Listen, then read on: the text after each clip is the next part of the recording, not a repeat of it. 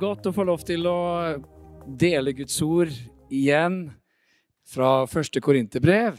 I dag har vi kommet til kapittel 9, og eh, det blir en glede å få dele Guds ord. Dette er jo faktisk digital gudstjeneste nummer 31.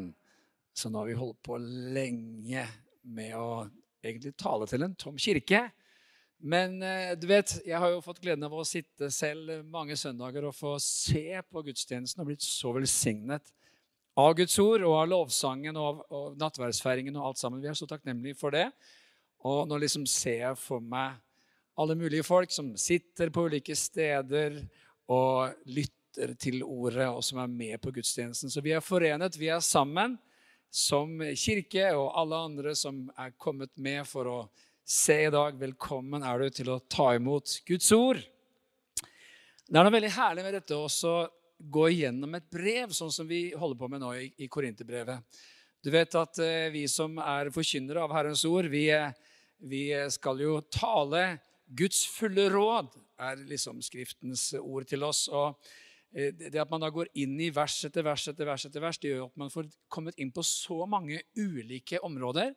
Og det er så rikt og spennende. Og Forrige søndag så talte Anne om en hel del rundt dette med hvordan vi er blitt satt fri. Og det som var da utgangspunktet, det var at eh, friheten som korinterne hadde i Kristus, ikke måtte misbrukes slik at noen ble ført til fall. Eh, og, men det interessante som vi da kommer inn på når vi da går inn i kapittel 9, det er litt sånn eh, Tar de imot det han sier, egentlig? Er det, liksom, er det sånn at de lytter til det som Paulus kommer med? For vi skjønner, mellom, ikke bare mellom linjene, men vi skjønner at gjennom det som Paulus så tydelig adresserer, så er det folk som har stilt spørsmål ved Paulus' autoritet i korintermenigheten. Og Derfor så starter 1. Korinterbrev 9 med å si Er jeg ikke fri? Er jeg ikke apostel?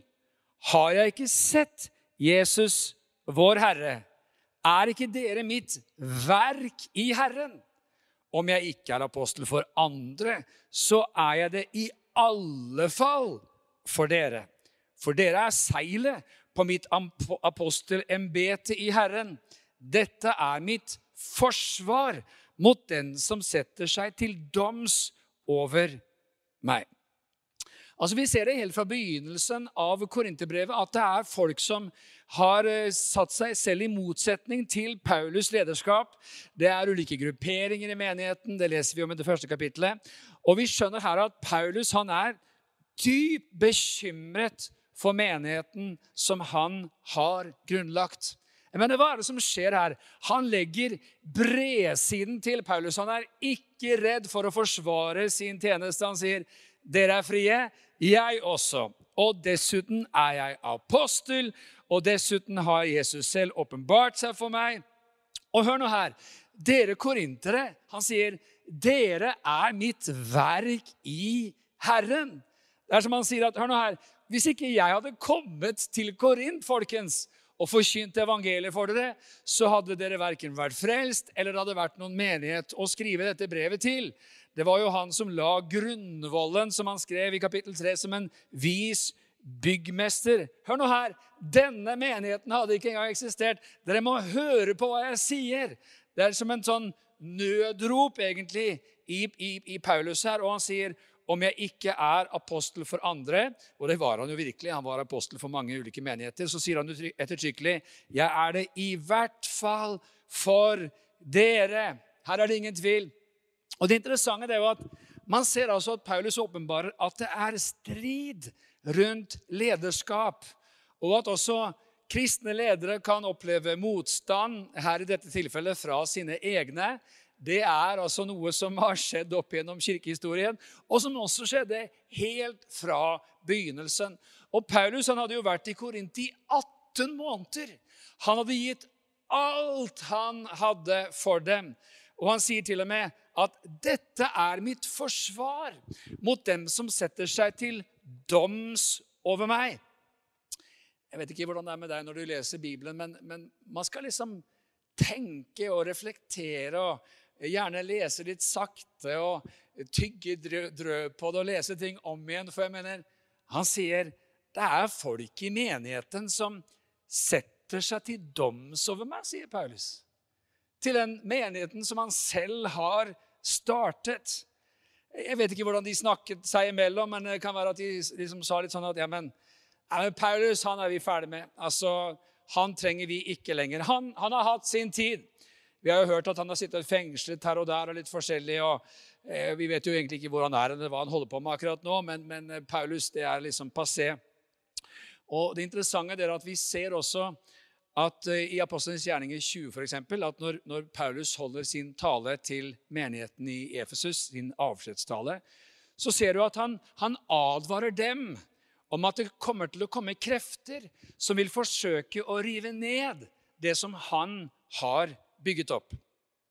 Så I Apostelens gjerninger 20, vers 28 så tar jeg et lite sånn sitat midt inn i 1. Korinterbrev eh, 9 her.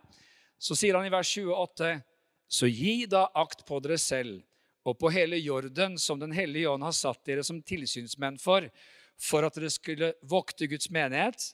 Den skal altså voktes. Som han vant seg med sitt eget blod. Man skal vokte den fordi det er hans menighet, Jesu menighet, som han vant seg med sitt eget blod. Og så står det Jeg vet at etter min bortgang skal det komme glupende ulver inn blant dere, som ikke skåner jorden. Ja, blant dere selv skal det fremstå menn som fører falsk tale for å lokke disiplene etter seg.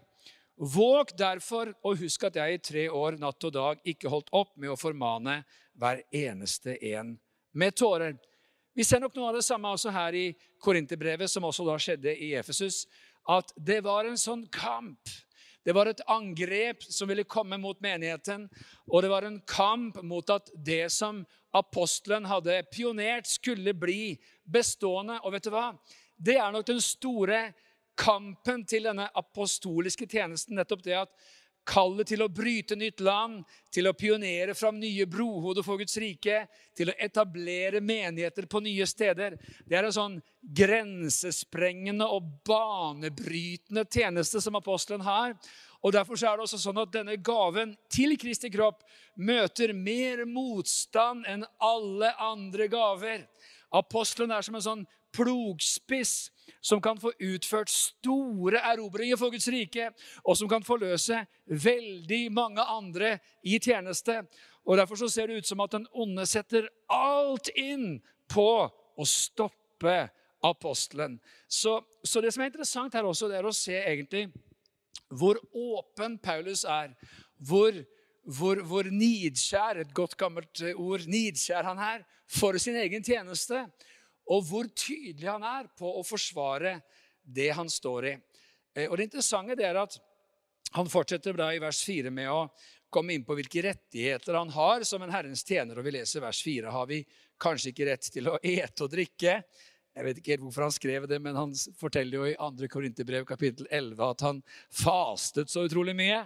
Stadig faste, så det, det, det, det kan jo være det. Men eh, nøden til å se gjennombrudd gjorde at han fastet mye, så han nevner også det. Da har vi ikke rett til å ete og drikke, kanskje. Har vi ikke rett til å føre med oss en søster som kone? Eh, det er en liten parentes i alt sammen her at broder, det du skal ha, det er en søster som kone. Hvis du ennå ikke har en kone, så er det en søster som kone, men det er en egen preken. Slik som de andre apostlene og Herrens brødre og Kefas. Her ser vi også at de andre apostlene var gift. Og Jesu brødre, som var framtredende i menigheten i Jerusalem, og Kefas, som er det hebraiske uttrykket for Peter, de var alle sammen gift. Men Paulus hadde fått en nådegave av Herren til å leve ugift. Eh, og han som eh, hadde en sånn spesiell pionertjeneste, vi vet at han levde litt sånn med livet i hendene. Og andre Korinterbrev kapittel 11 det forteller oss i detalj om at det hadde ikke vært enkelt å være eh, liksom fru Paulus. altså. Det var liksom i fare blant røvere, i fare på hav, i fare på landeveier, i skipbrudd, i nød, i piskeslag, steininger. Altså det, det, var, det var litt av en tjeneste Paulus hadde. Men han fortsetter videre i vers 6. Eller er det bare jeg og Barnabas som ikke har rett til å slippe å arbeide? Og Nå skal jeg ta og lese egentlig et litt sånn lengre avsnitt fra dette kapittelet som, som, som dreier seg mye om det samme. Hvem gjør vel noen gang krigstjeneste på egen lønn?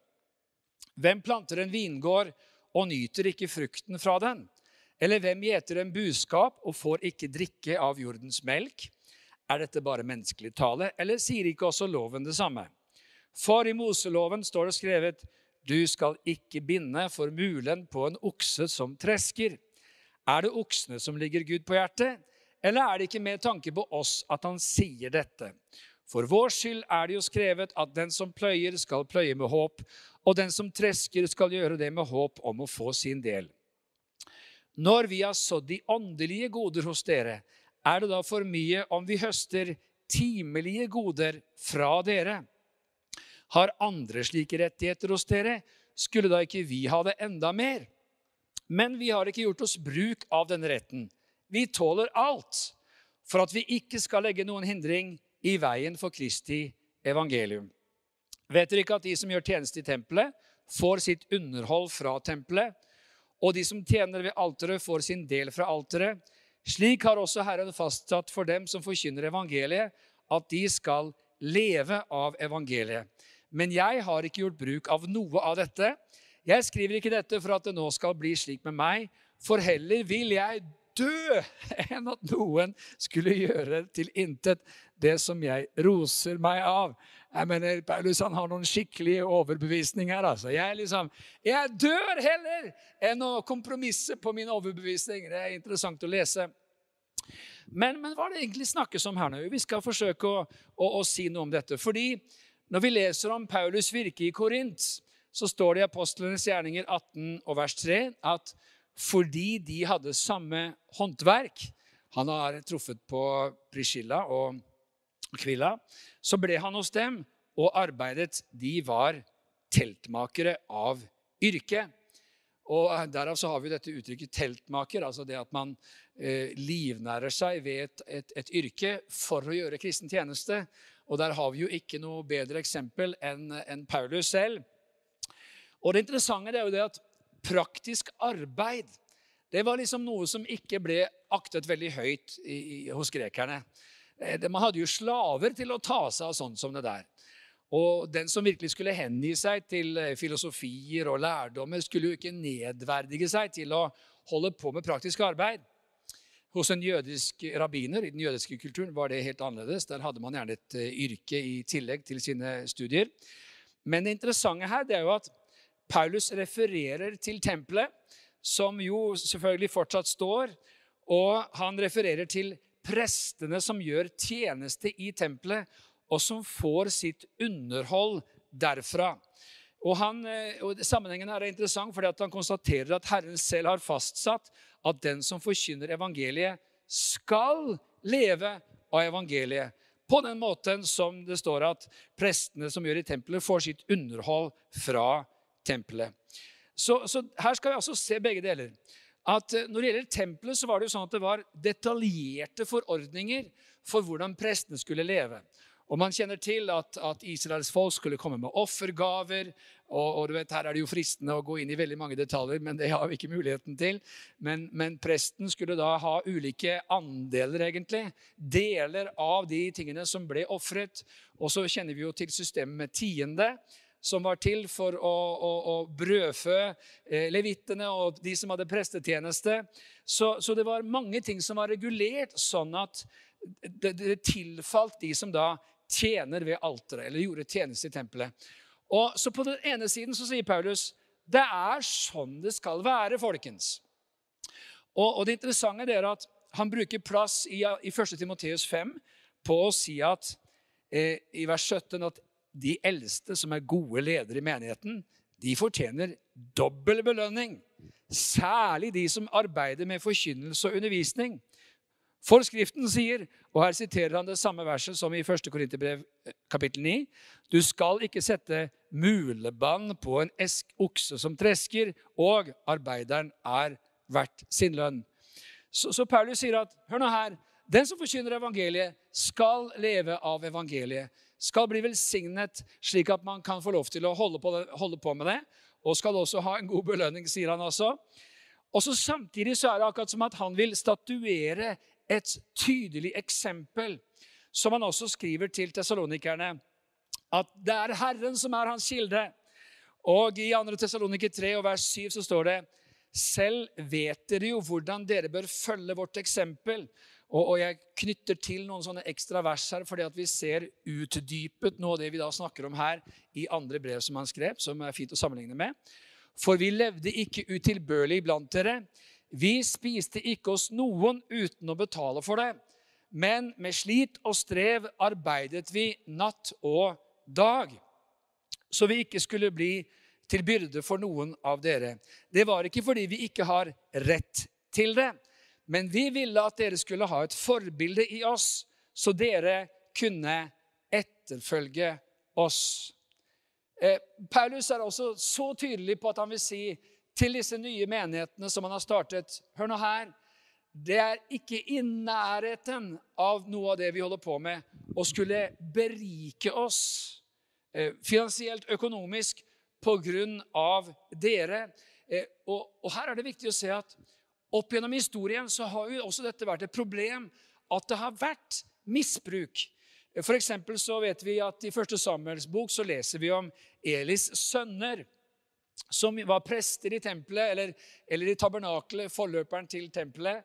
Og, og, det er en grell historie om, om hvordan de beriker seg selv og, og, og vinner eh, Ja, det best, tar det beste til seg selv på bekostning av andre. Og, og, bare fullstendig gjør vold på det som er rett og edelt og verdig, for å berike seg selv. Og du vet, Det har faktisk vært sånn opp gjennom historien som nevnt at kjærligheten til penger har felt mang en Herrens tjener. Og Paulus han vil her være så tydelig. Hør nå her. Herren er min kilde. Jeg setter ikke min lit, sier han, eh, til, til noen av dere. Og vet, Det er interessant når du tenker på f.eks. Abraham. Når, eh, når, Abraham utfrir sin nevø Lot, som er blitt til fange, blitt tatt til fange sammen med kongen av Sodoma og en del andre konger. Og eh, eh, Abraham han mobiliserer sin 300 pluss sterke private armé og jager etter dem og, og, vinner og liksom slår ned disse kongene og røver tilbake både Lot og kongen i Sodoma og alt byttet. Og kongen i Sodoma sier til Abraham at hør nå her, dette er jo egentlig ditt alt sammen, bare forsyn deg. Og Abraham sier nei, nei, nei, nei, jeg skal ikke ha en ting. Ikke noen skal komme her og si at det er dere som har gjort Abraham rik. No way! Og eh, men de folka som har hjulpet meg, de kan jo liksom få det de har lagt ut. Det er helt greit, liksom. Men jeg skal ikke ha en ting, for det er Gud som er min kilde. Og så kommer Gud til Abraham rett etterpå, og så sier han noe så vakkert. Abraham, jeg er din del. Og dette her er et vakkert forbilde for oss alle. At uansett om man Altså, vi er jo fulltidstjeneste alle sammen. ikke sant? Vi tjener Herre på fulltid. Man kan jo ikke leve halvtid for Herren. Vi er, er jo, er, vi er jo fullt ut for Herren. Uansett hvor, hvor, liksom eh, penge, hvor, hvor lønnen vår kommer ifra, så er Herren vår kilde. Til alle tider har det vært sånn, og til alle tider så skal det også være sånn. Vi fortsetter i vers 16. For om jeg forkynner evangeliet, så er det ikke noe å rose meg for. 1. Korinterbrev 9, 16. Det er en nødvendighet som ligger på meg.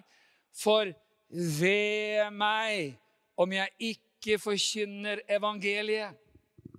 Gjør jeg dette frivillig, da har jeg lønn. Men gjør jeg det under tvang, da er det et husholderoppdrag som er betrodd meg. Det er så spesielt å lese dette her. Du ser liksom hvordan Paulus han var drevet av et hellig kall. Han sier det var en nødvendighet. Det var med andre ord ikke noe som han bare kunne velge selv. Han sier, 'Ved meg om jeg ikke forkynner evangeliet.' Og vet du hva? Det skulle enhver forkynner også kunne si. Ved meg om jeg ikke forkynner evangeliet. Det er altså ikke sånn at man nødvendigvis har sin inntekt fra det. Paulus' eksempel i pionertjenesten ser vi her. Men det å være en forkynner av evangeliet er ikke en vanlig yrkesvei. Det er å være kalt av den levende Gud til å være hans budbærer. Det er å være en Herrens tjener. Og Paulus han sier det så sterkt. Jeg er tvunget til det. Jeg har ikke noe valg. Det er et husholderoppdrag som er betrodd meg. Du vet, Noen mennesker kan si at 'jeg har et kall', men så kan man kanskje komme til et punkt hvor kallet har deg. Du er som i Herrens velsignede skrustikke, og det blir 'ved meg' om jeg ikke forkynner evangeliet. Jeg syns det er litt herlig det Paulus sier så sterkt her. At jeg er tvunget til det. Det er et husholderoppdrag som er betrodd meg. Og en dag så skal jeg stå til ansvar for det jeg er blitt betrodd. Så 1. Korinterbrev kapittel 9 løfter opp denne betydningen av det hellige kallet. Og vet du hva? Når Gud kaller, så finnes kun to alternativ. Lydighet eller ulydighet.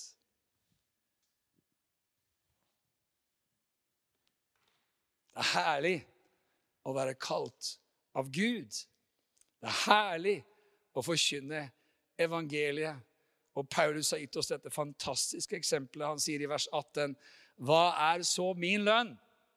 Jo, at jeg byr fram evangeliet uten vederlag når jeg forkynner det, slik at jeg ikke gjør bruk av den rett som evangeliet gir meg. Vi ser altså dette som vi også har sagt, at han stoler på Gud eh, ved å forkynne evangeliet uten vederlag. Og det er selvfølgelig utrolig viktig å løfte det fram, fordi eh, hvis man liksom skulle tenke at kristen virksomhet skulle begrenses til der det var god økonomi, hvis kristen virksomhet skulle begrenses til, til der det var greie honorarer og gode lønninger, hva ville da skje med, med det å få evangeliet til jordens ytterste ender? Jeg mener, Evangeliet trengs aller mest der det ikke er et menneske som er i stand kanskje til å betale eller til å brødfø predikanter. Så det her er så viktig.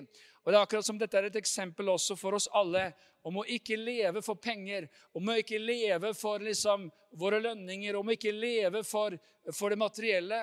Eh, det er fint å oppleve Guds velsignelse og forsørgelse, og vi har også lest om hvordan Gud velsigner og forsørger. Men vi lever for himmelen. Vårt hjemland er i himmelen. Derfra venter vi også vår Herre Jesus Kristus som frelser, sier Filipperne 3,20. Vi er et himmelvendt folk. Amen. Og vi lever for å se at Guds rike skal komme, for at Guds vilje skal skje, og for at misjonsbefalingen skal utføres i vår generasjon. Og Det går jo rett i tråd med det som vi ser videre, fordi nå følger et avsnitt som beskriver Paulus' sterke nød for menneskers frelse. Han vil avsi seg sine egne rettigheter. Han vil være en tjener for alle, identifisere seg med deres livssituasjon for å vinne så mange som mulig. Han sier, for selv om jeg er fri overfor alle, så har jeg gjort meg til alles trell for å vinne så mange som mulig. For jødene er jeg blitt som en jøde for å kunne vinne jøder. For dem som er under loven, er jeg blitt som en som er under loven. Enda jeg selv ikke er under loven, for å vinne dem som er under loven. For dem som er uten lov, er jeg blitt som om jeg var uten lov, enda jeg ikke er lovløs for Gud, men lovbundet for Kristus, for å vinne dem som er uten lov. For de svake er jeg blitt svak, for å vinne de svake. For dem alle er jeg blitt alt, for i alle fall å frelse noen. Alt gjør jeg for evangeliets skyld, for at også jeg kan få del i det. Og vi ser inni Paulus store hjerte for mennesker. Han vil vinne så mange som mulig. Er liksom det, det er liksom agenda én på, arbe, på, på eh, arbeidsmøtet med Paulus' team. Sak nummer én hvordan vinne så mange som mulig. Og hva kan vi gjøre her, folkens? Vi er kommet til denne byen her nå. Hva kan vi gjøre for å vinne så mange som mulig? Eh, vi får forsøke å være jøder for jødene, og vi forsøker å være som om vi var uten lov. Vi er jo ikke lovløse, men vi får liksom prøve å identifisere oss med dem for å forsøke å vinne dem. Eh, jeg blir gjerne svak for å vinne de svake. Og jeg er egentlig villig, sier Paulus, til å bli alt for alle for å frelse noen. Jeg syns det er litt interessant, dette her, for vi, vi ender jo ofte fort opp med å liksom, diskutere metoder i vår tid. Liksom, Er det eller det bra? Ikke sant? Eh, alfakurs, er det en måte? Eller dele troen med en venn? Eller en kampanje, evangelistisk kampanje eller gateevangelisering? Svaret er veldig enkelt. Ja! Alt er bra! For i alle fall å frelse noen. Bare en liten parentes. Jeg ble så velsigna her. Jeg hadde et møte i Bergen forrige uke. Så, så kommer det en, eh, en, mann bort til meg og sier, 'Du, voksen kar' Jeg kom på møte i Teatergarasjen, en kampanje med Jesus Revolution i 1998. Og der skjedde noe, det noe med meg som, som gjorde at eh, Ja, det kom noe på plass i forhold til evangeliet. Det er så herlig. å få lov til å møte sånne, sånne historier nesten overalt hvor en reiser og rundt omkring hvor en er. At folk har fått møte Jesus gjennom en kampanje. Og det er også herlig. Ja, amen. Det, vi setter ikke noen ting opp mot hverandre. Vi vil forkynne på alle mulige måter. Vi vil bringe våre venner til Guds menighet. Vi vil invitere mennesker til Herren, og vi vil dele vår tro med mennesker overalt der hvor vi er. Jeg husker så veldig, jeg fikk så velsignelse her. Det var så spesielt. Men, men, men, men eh, jeg har jo flydd så mye før korona-19. Før korona-19, ja, nå hører du. Covid-19. Og, og, og, på fly man møter så mange forskjellige mennesker. og Jeg husker så spesielt en kvinne som satt ved siden av meg på fly eh, i vei hjem til Oslo. og hun, hun, var, hun, hadde prøvd så mange ting, hun hadde testet ut så mange ting. Hun hadde prøvd liksom alle mulige åndelige fenomener og alt mulig sånt. og, og jeg satt der og leste min bibel, og vi kom i prat. vet du, og Hva er det du leser? Og jo, jo, nå skal du høre her at dette er gode nyheter. Det er så mye dårlige nyheter, men her har vi en god nyhet. Og, og jeg bare så at liksom, hun bare Oi, hva er det her? Og jeg, bare liksom, du kan få fred fra Gud, vet du. Du kan få oppleve Guds kjærlighet i ditt liv, og du kan få leve med Han. Er ikke det noe som du kunne tenke deg? Jo, men det er jo det jeg egentlig har liksom lett etter i årevis. vet du. Og og det var så nydelig. Liksom, rett før vi landa på Gardermoen, så, så satt vi der. og Jeg så jo liksom hvordan folk rundt omkring de, de så skikkelig på oss. Altså, for da sa nå ber du etter meg. Jesus, jeg tar imot deg som min Herre og Frelser. Jesus, jeg tar imot deg som min Herre og Frelser. Og vi rakk å si amen akkurat når vi liksom kom inn på rullebanen. Det var en herlig flytur. Jeg mener, Evangeliet er Guds kraft til frelse. Og vi har jo denne utrolige gleden, du og jeg, å få lov til å dele verdens viktigste budskap. Og her blir jo fristet til å si enda flere ting. Og la meg si enda flere ting. Fordi at jeg mener, vi lever i så spesielle tider. Jeg mener, vi Kom igjen, hvordan har det vært i vår verden nå det siste halvannet året? ikke sant? Så mye ensomhet, så mye isolasjon, så, så mye tungt, så mye vanskelig, eh, så mye sykdom, så mye død, så mye uforutsett, så, så, så, mye som har liksom satt alt på hodet. Mennesker trenger håp. Norge trenger håp. Europa trenger håp. Verden trenger håp. Og Jesus Kristus han kom for å gi sitt liv, for at vi ikke skulle gå fortapt, men vi skulle ha evig liv. Så hvilken glede det er for oss å få lov til å la oss utfordre og inspirere av Paulus' eksempel til å strekke seg ut og til å tjene mennesker og til å identifisere seg med deres livssituasjon for i alle fall å vinne noen. Amen. Så kommer den siste delen av kapittel 9, som egentlig leses best i sammenheng med begynnelsen av kapittel 10. Kapitteldelingen var jo ikke Paulus sin. Og nå, nå, kommer jo liksom kapittel 10 etter hvert, her, så jeg skal ikke gå langt inn i det. men jeg bare leser et par vers på begynnelsen for at vi skal se sammenhengen her. Og Paulus han bruker et, et eksempel som korinterne virkelig forstår seg på. Fordi eh, det som ble kalt for de ishtmiske leker, det var i antikkens Hellas idrettsleker til ære for guden Poseidon. Feiret i Poseidon-helligdommen på Ishtmos ved Korint. Lekene ble åpnet for alle grekere osv. Det ble holdt annethvert år. Og 481 eh, år før, Kristus ble dette i gang. De olympiske leker er det som er mest kjent, men disse var også store. Så dette fant altså sted i, i Korint. Og så sier han da, når han skriver til korinterne Vet dere ikke da at de som løper på idrettsbanen, de løper alle? Korinterne, de, de, de, dette skjønner de. Vi ser for oss at liksom pastoren i Korint han står der og leser dette opp for menigheten. Vi har fått brev fra Paulus. Og det her er liksom, ok, alles tanker går mot, eh, mot de ishmiske leker.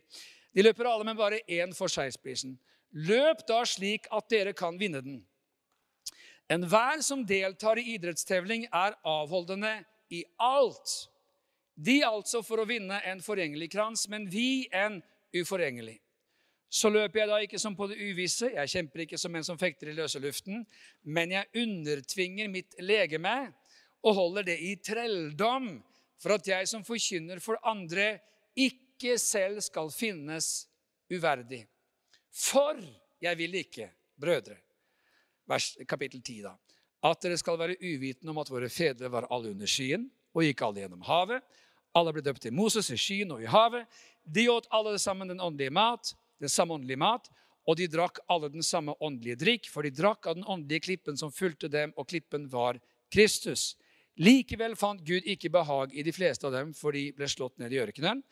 Men disse ting hendte som forbilder for oss, så vi ikke skal ha lyst til det onde, slik de hadde lyst til det.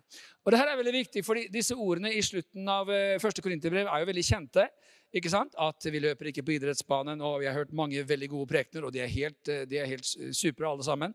I forhold til dette med å være fokusert og ikke bli distrahert. og liksom, ikke sant? Vi skal la oss inspirere av idrettsmannen, og vi skal være avholdende i alt for å vinne seiersprisen. og det, det, er, det, det, det, er, så riktig, og, og så viktig i, helt isolert sett også. Men det vi ser her altså i sammenhengen, det er jo at for jeg vil ikke, brødre, at dere skal være uvitende. Hva er det han refererer til? Jo, han sier Israelsfolket i ørkenen, hva opplevde de egentlig? Jo, Guds overnaturlige forsørgelse. Jeg mener, om noen noen gang har opplevd mirakel, mirakler i flertall, så er det den menigheten der. altså. Jeg mener, De er under Guds sky. Kan du tenke deg? Jeg mener, De går rundt omkring i ørkenen, og skyen følger dem. Det var jo fantastisk. Skyen sørger for at det ble skygge hele tiden mot ørkensolen. Og om natten så var det en ildsøyle som sørget for varmen. Jeg mener, Det er ganske overnaturlig, hva? Rundt omkring i Sinai-ørkenen. De står foran Rødehavet, faraos hær bak seg, eh, Moses ut med staven, og Gud kløver hele Rødehavet, og de går tørrskodd rett igjennom. Vi snakker om mirakler. Vi snakker om overnaturlig mat som sørger for dem hver eneste dag. Jeg mener, de opplevde, Det var jo tidenes mest velsignede menighet. Hva? En utrolig velsignet menighet. De var i ørkenen, riktignok. Altså, de hadde ikke kommet inn i landet som flyter med melk og honning. så de var kanskje ikke tidens mest velsignede, Men velsignet var de. Og det var i hvert fall helt sikkert. For det spesielle er at vi allikevel ser at det står Det var et men her. Men de hadde lyst til det onde. Ok. Denne karismatiske menigheten hadde veldig lyst på det onde. Det var en splittethet der, altså. Hør nå her. Man kan altså oppleve Gud på de utroligste vis. Og det er hevet over enhver tvil i, i sammenhengen her for israelittene. Gud er her, og Gud virker. Men man kan like fullt bli distrahert i sitt løp, slik at man ikke vinner seiersprisen. Og vet du hva? Det er mulig for oss alle. Derfor er det folk som har sagt at det er ikke hvordan du begynner ditt løp, som er det viktigste. Det er at du sluttfører det.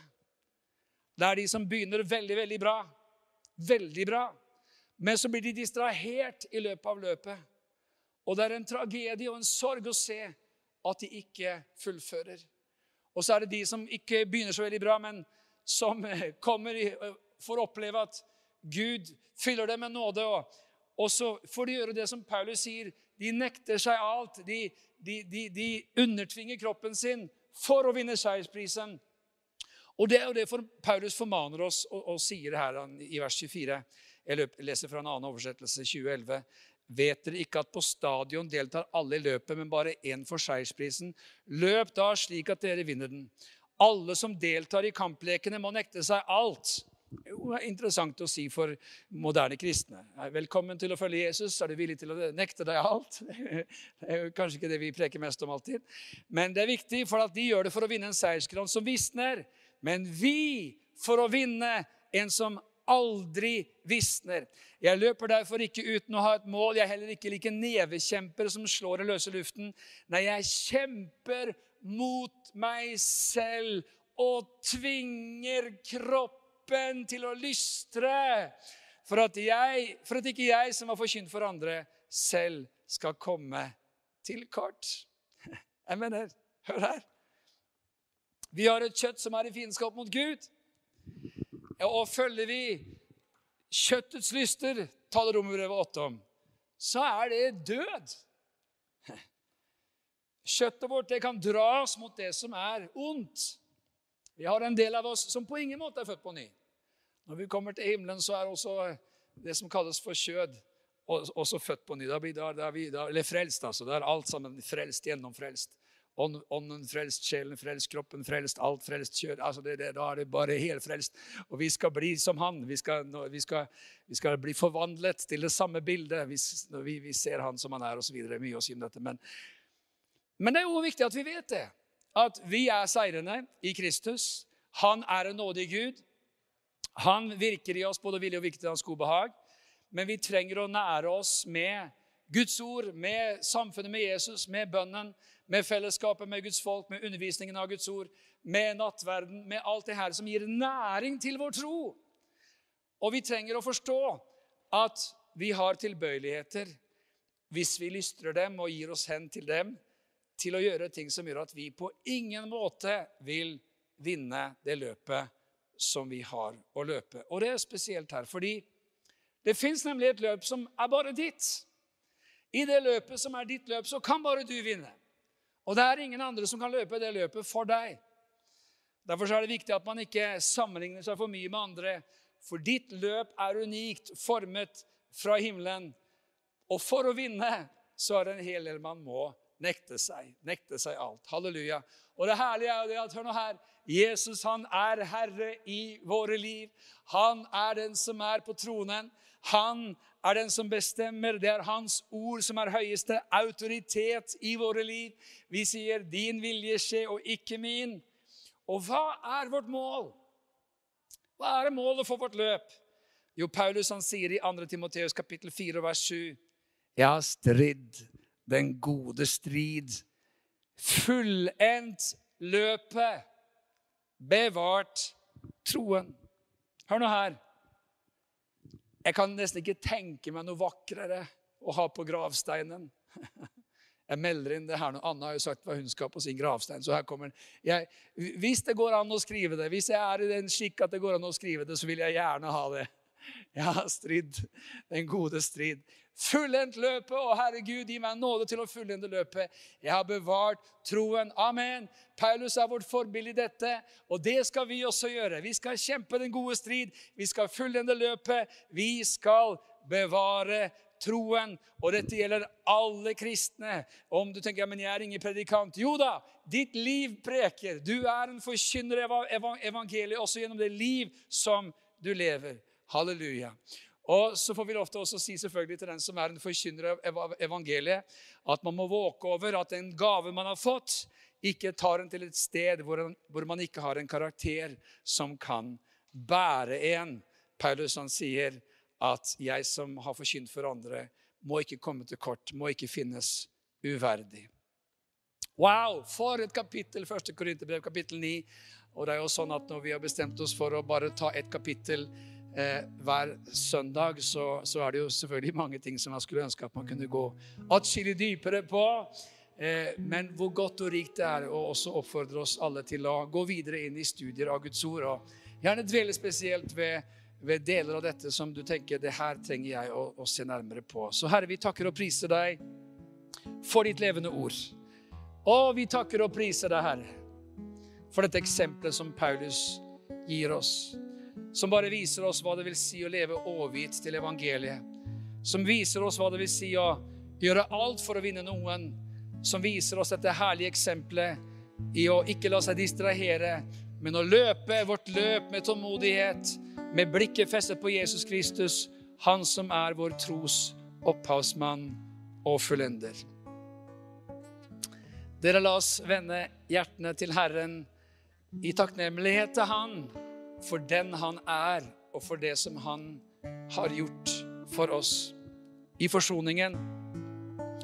Om du lytter til dette eller ser på dette og ikke kjenner Jesus Kristus, så vil jeg invitere deg til å kalle på hans navn. For Jesus han sier, Guds ord sier, hver den som kaller på Jesu navn, skal bli frelst.